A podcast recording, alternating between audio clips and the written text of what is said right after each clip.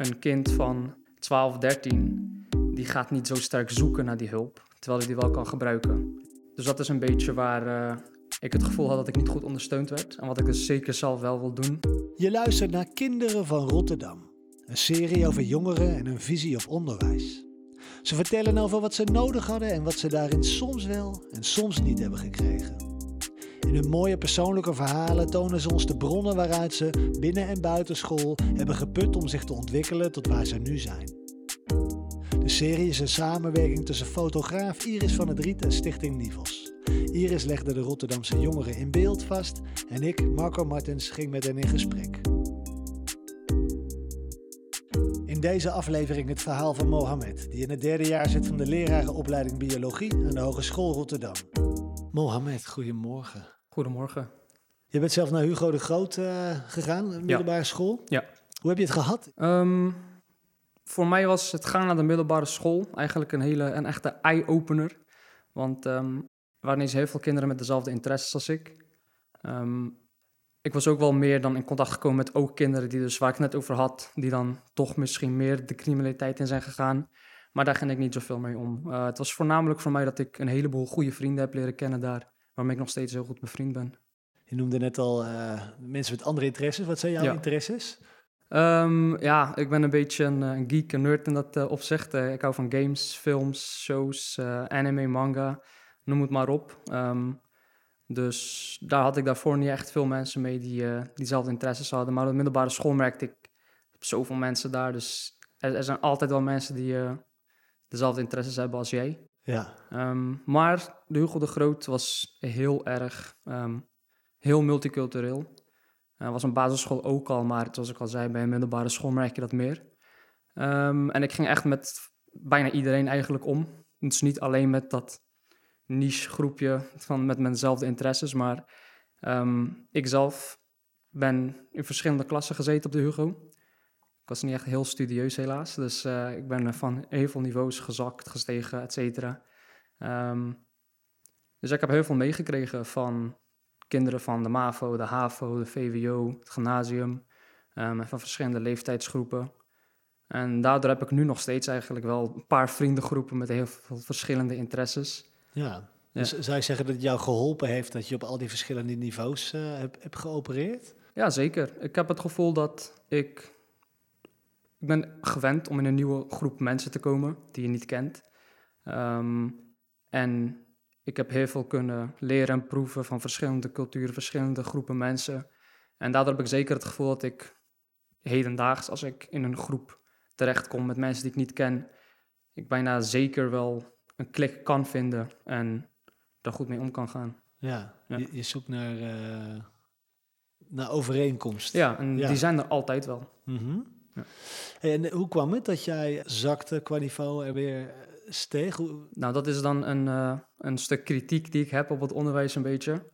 Um, ik heb het gevoel dat ik als kind destijds niet goed ondersteund ben op bepaalde vlakken. Met name dat um, zodra ik begon bij de Hugo de Groot, was ik beland op het gymnasium. Um, alleen merkte ik al heel snel dat je op de middelbare school moet leren. ja. Wat ik hiervoor dus nooit had gedaan. Ja. Um, en ik had er dus enorm veel moeite mee. En dat kwam dus neer op bijna elke nacht in mijn kamer zitten en proberen te leren. Maar eigenlijk geen idee hebben waar ik moet beginnen. En uiteindelijk toch maar naar de muur staren voor een paar uur. Ja. Um, en dan de steun die ik kreeg vanuit school kwam eigenlijk neer op... ja, maar doe het gewoon. Ja. En dat is niet iets wat je wil horen dan eigenlijk. Nee, je wil gewoon handvatten. En, Juist. En, uh, waren er mensen aan wie jij vragen kon stellen? Van kan je me hiermee helpen? Of er is altijd wel een mentor of mentrix natuurlijk. Dat is uh, iets wat je op elke school denk ik al hebt. Um, maar ik heb het gevoel dat als ik op deze leeftijd hetzelfde probleem had, ik wellicht wel hulp had kunnen vinden.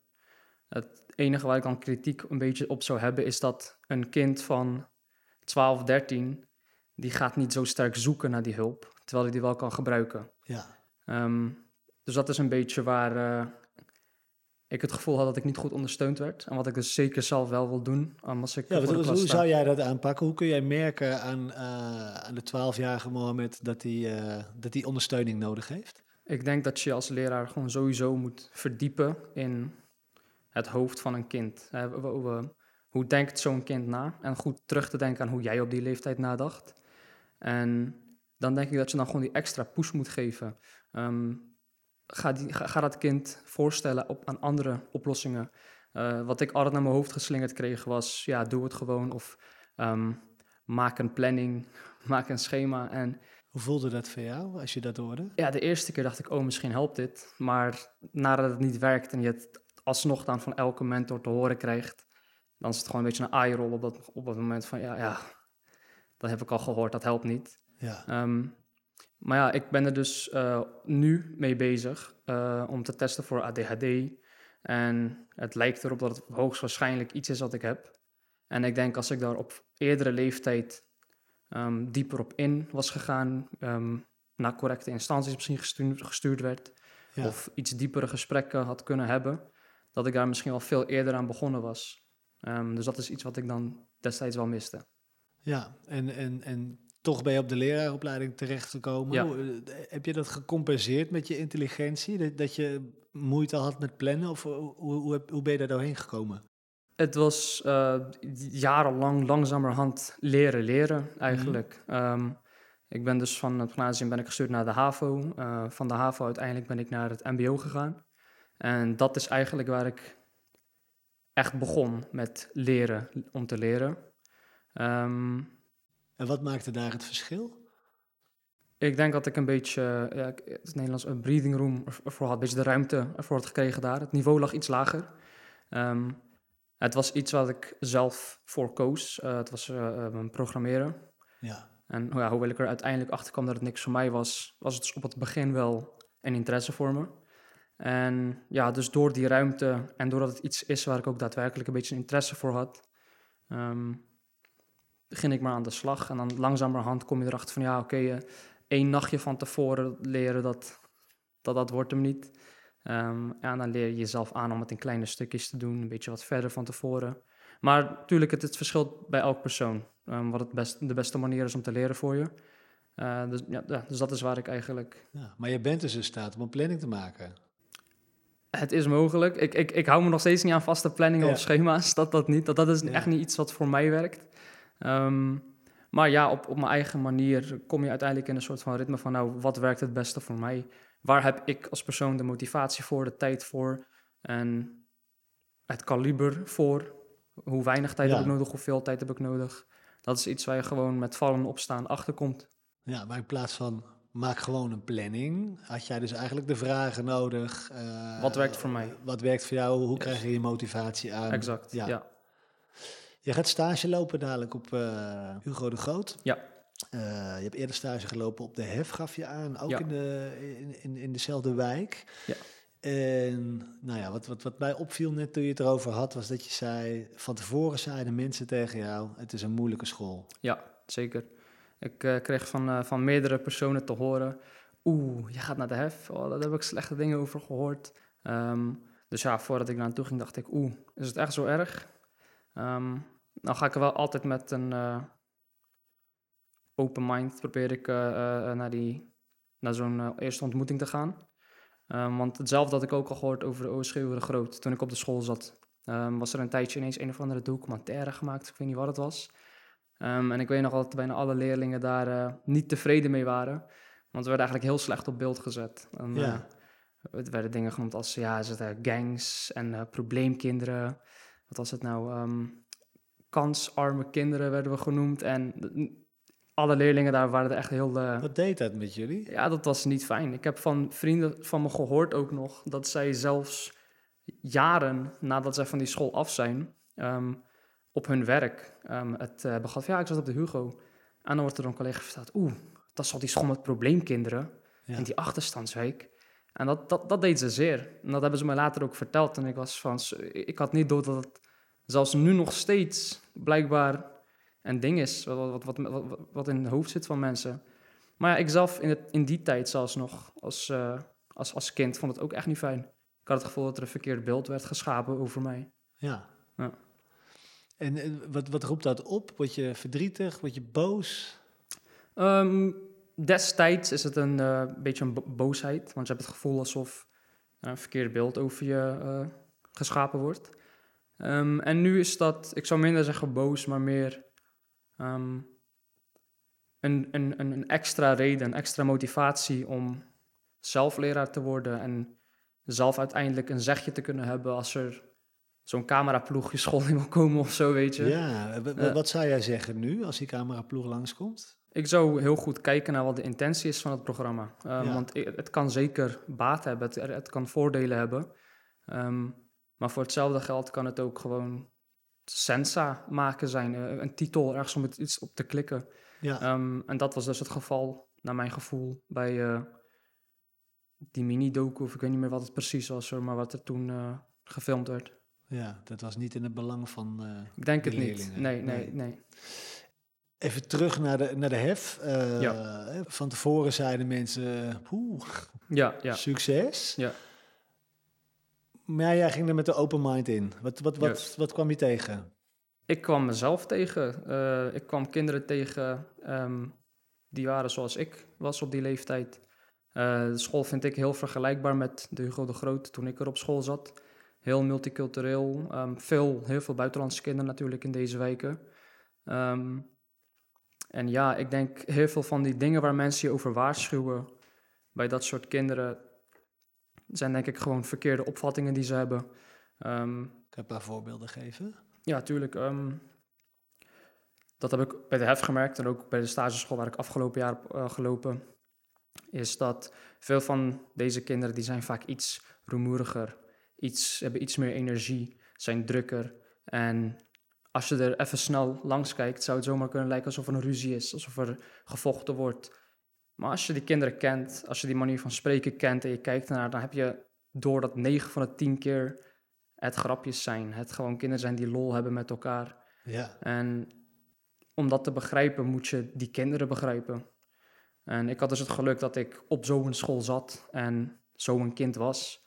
Dus als jij daar niet gelijk boos op reageert, maar als jij goed begrijpt en kijkt wat, wat gebeurt er nou precies, en je er dan op, ehm, op reageert op een manier die erbij past, ja, dan merk je al gelijk dat die kinderen helemaal niet moeilijk zijn, maar gewoon heel goed kunnen luisteren en heel goed mee kunnen doen. ja.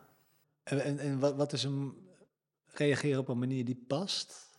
Ehm, nou, bijvoorbeeld als je een kind hoort roepen ehm, naar een ander kind, ehm, wat op ruzie kan lijken, niet er gelijk van uitgaan dat het ruzie is, dat het negatief is, en dus niet op een negatieve manier reageren.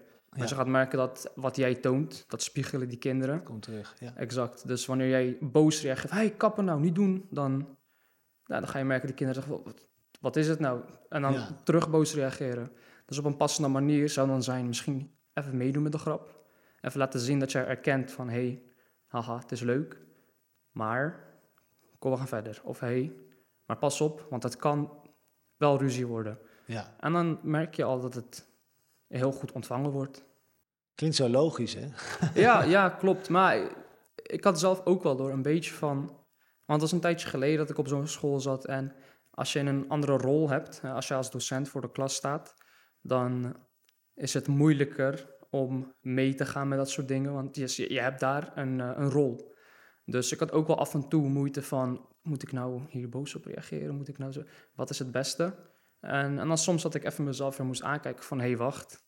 Toen jij jong was, toen jij daar zo zat, als dan ineens iemand heel boos naar je gaat schreeuwen wanneer je een pen zo naar je vriend hebt gegooid of zo, dan, dan heb je eigenlijk alleen maar een, een, een nog groter probleem. Want ja, dan denk jij, wat? Ik heb alleen zo'n klein ding gedaan, waarom wordt deze man of vrouw zo boos? Ja. Ehm, dus ja, even jezelf weer terug in die schoenen plaatsen ehm, helpt al heel erg. En ja, daar moet ik zelf ook natuurlijk af en toe nog op letten. Maar tot nu toe gaat het nog wel goed. ja, het is het balanceren tussen eh, Ja, grenzen bewaken, hè, Exact. afspraken bewaken eigenlijk Yes, ja. en, eh, en, en ruimte geven. ja. Welke ruimte heb jij zelf gehad? Want je gaf aan op het moment dat ik mijn interesses eh, kwijt kon, zo- zo- zodra ik daar iets bij kon, eh, in verhouding tot anderen, Ja. gebeurde er bij mij ook iets. Ja, zeker. Je, je maakt meer verbinding met andere Ja. kinderen.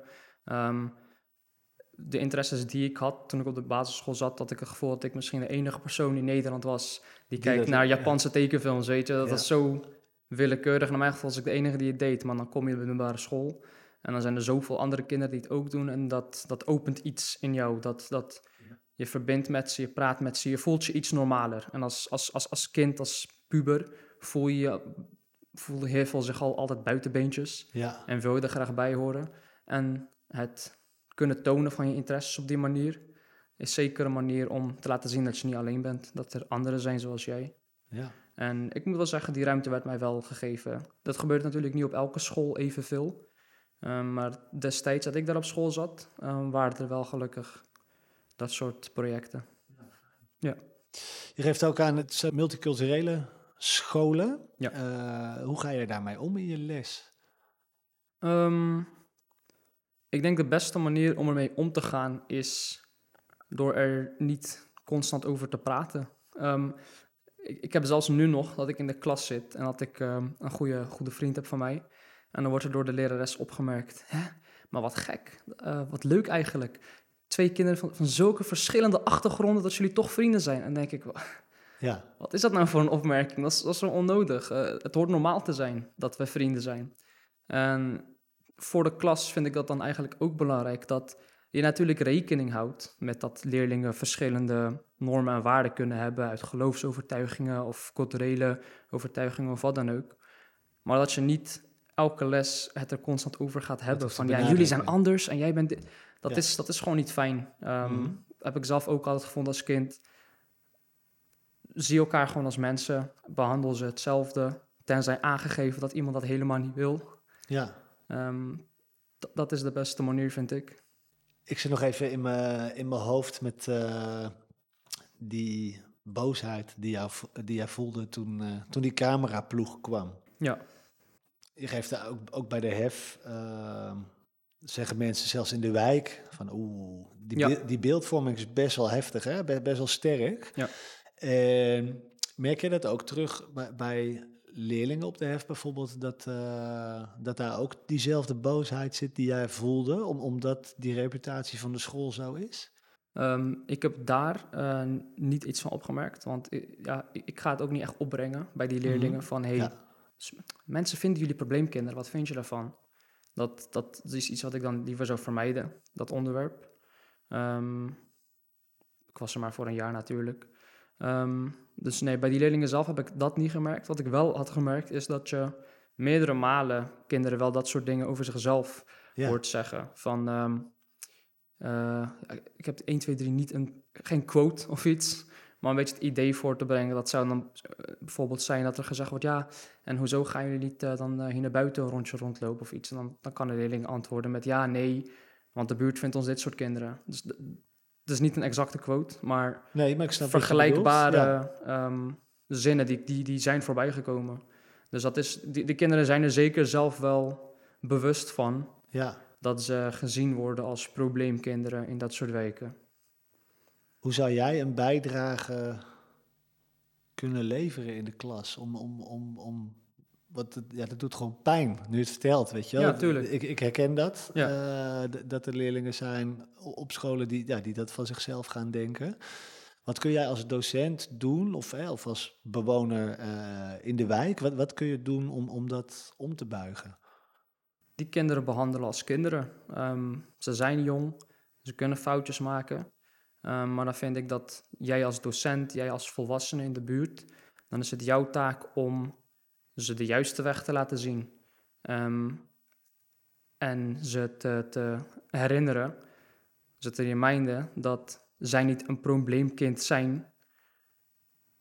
Maar dat als jij een bepaald gedrag niet fijn vindt, dat ze dat kunnen verbeteren. Maar ik vind het belangrijk dat je ze wel eraan herinnert dat, dat, dat niet zij het probleem zijn. Dat het niet vastzit aan hun. Eh, want zodra jij iemand in zo'n hokje gaat plaatsen en iemand het gevoel heeft van, nou, ik ben dan een probleemkind, dan vererg je het probleem eigenlijk alleen maar. Dan, dan krijg je dat zo'n kind het ziet als zijn identiteit. Dus als docent zou ik dat willen vermijden. Ik zou mijn leerlingen duidelijk willen laten maken dat het gewoon kinderen zijn, goede kinderen zijn, met allemaal een mooie toekomst voor zich. En mocht er dan ongewenst gedrag zijn, ze erop wijzen dat het ongewenst gedrag is. Punt. En dat is het. Er zit geen diepere betekenis achter. Het is niet iets van hun eigen, dat, dat ja, jullie zijn probleemkinderen uit de probleemwijk en daarom veroorzaak je problemen. Nee, je bent een kind, dus je moet dingen leren Ja. en dan kan je fouten maken. Dus eh, dat is iets waar ik erg op zou letten als docent. Voor zorgen dat ze dat doorhebben. Het, het ligt niet per se aan hun. Het is, het is niet vast aan hun. Ze kunnen zijn en staan waar ze willen. En aan de manier waarop je dit vertelt, merk ik dat jij die boosheid achter je hebt gelaten. Ja. Hè? Dat jij, eh, dat het geloof in, in, in eh, dat het niet bij jou zit, dat is sterker. Wat heeft jou geholpen daarin? Ehm, lezen, films bekijken, ehm, verhalen ehm, eigenlijk. Praten met mensen. En fictie en non-fictie, dat is allemaal ook een manier van praten met mensen en met de schrijver. Ehm, dus ja, ik denk gewoon opgroeien. Ehm, meer informatie binnenkrijgen, dingen horen van andere mensen, hun ervaringen. Hoe zat het met deze vriend van mij die in een hele leuke wijk is opgegroeid? Hoe zat het met deze vriend die mijn buurjongen was, die in dezelfde wijk is opgegroeid? En daar ben ik dus uiteindelijk achter gekomen dat we allemaal eigenlijk hetzelfde zijn. Het, li- het ligt een beetje aan waar je bent opgegroeid, hoe je dat precies uit. Maar mocht je zo'nzelfde kind in een andere wijk hebben geplaatst, nou, dan was het gewoon precies zo'n kind uit die wijk. Ja. Ehm, dus ja, dat, dat heeft me een beetje doen inzien dat het probleem ligt nooit aan het kind zelf. Het is meer een beetje de omgeving die heel erg daar effect op kan hebben. Ja, en voor jou hebben eh, boeken en verhalen eh, veel betekend. Ja. Is er één boek wat je zou willen aanraden aan, aan, aan de jongeren die nu nog met die boosheid zitten? Nou, er is een eh, manga die ik dan heel interessant vind. Die heet eh, Vinland Saga. Ehm, heel, heel kort samengevat. Het gaat over eh, in Noorwegen, tijd van de vikingen. En het gaat over een jongetje die ehm, zijn vroege jeugd vol zit met een sterk gevoel van wraak willen hebben. Maar gedurende zijn leven erachter komt dat niemand echt vijanden heeft. Is, het is onnodig om, om meer haat te veroorzaken. Ehm, en ja, dat, dat, dat verhaal heeft mij wel wat heel goed doen inzien. Dat het allemaal onnodig is. En dat het veel beter is als we gewoon allemaal vrienden zijn. dus dat ehm, boos zijn over iets in het verleden, ehm, dat helpt niet echt zoveel. Dus vandaar dat ik denk, ja, als ik zelf docent ben, dan kan ik beter het probleem oplossen. In plaats van boos zijn over het probleem. Mohamed, dankjewel. Graag gedaan. Jij ook bedankt.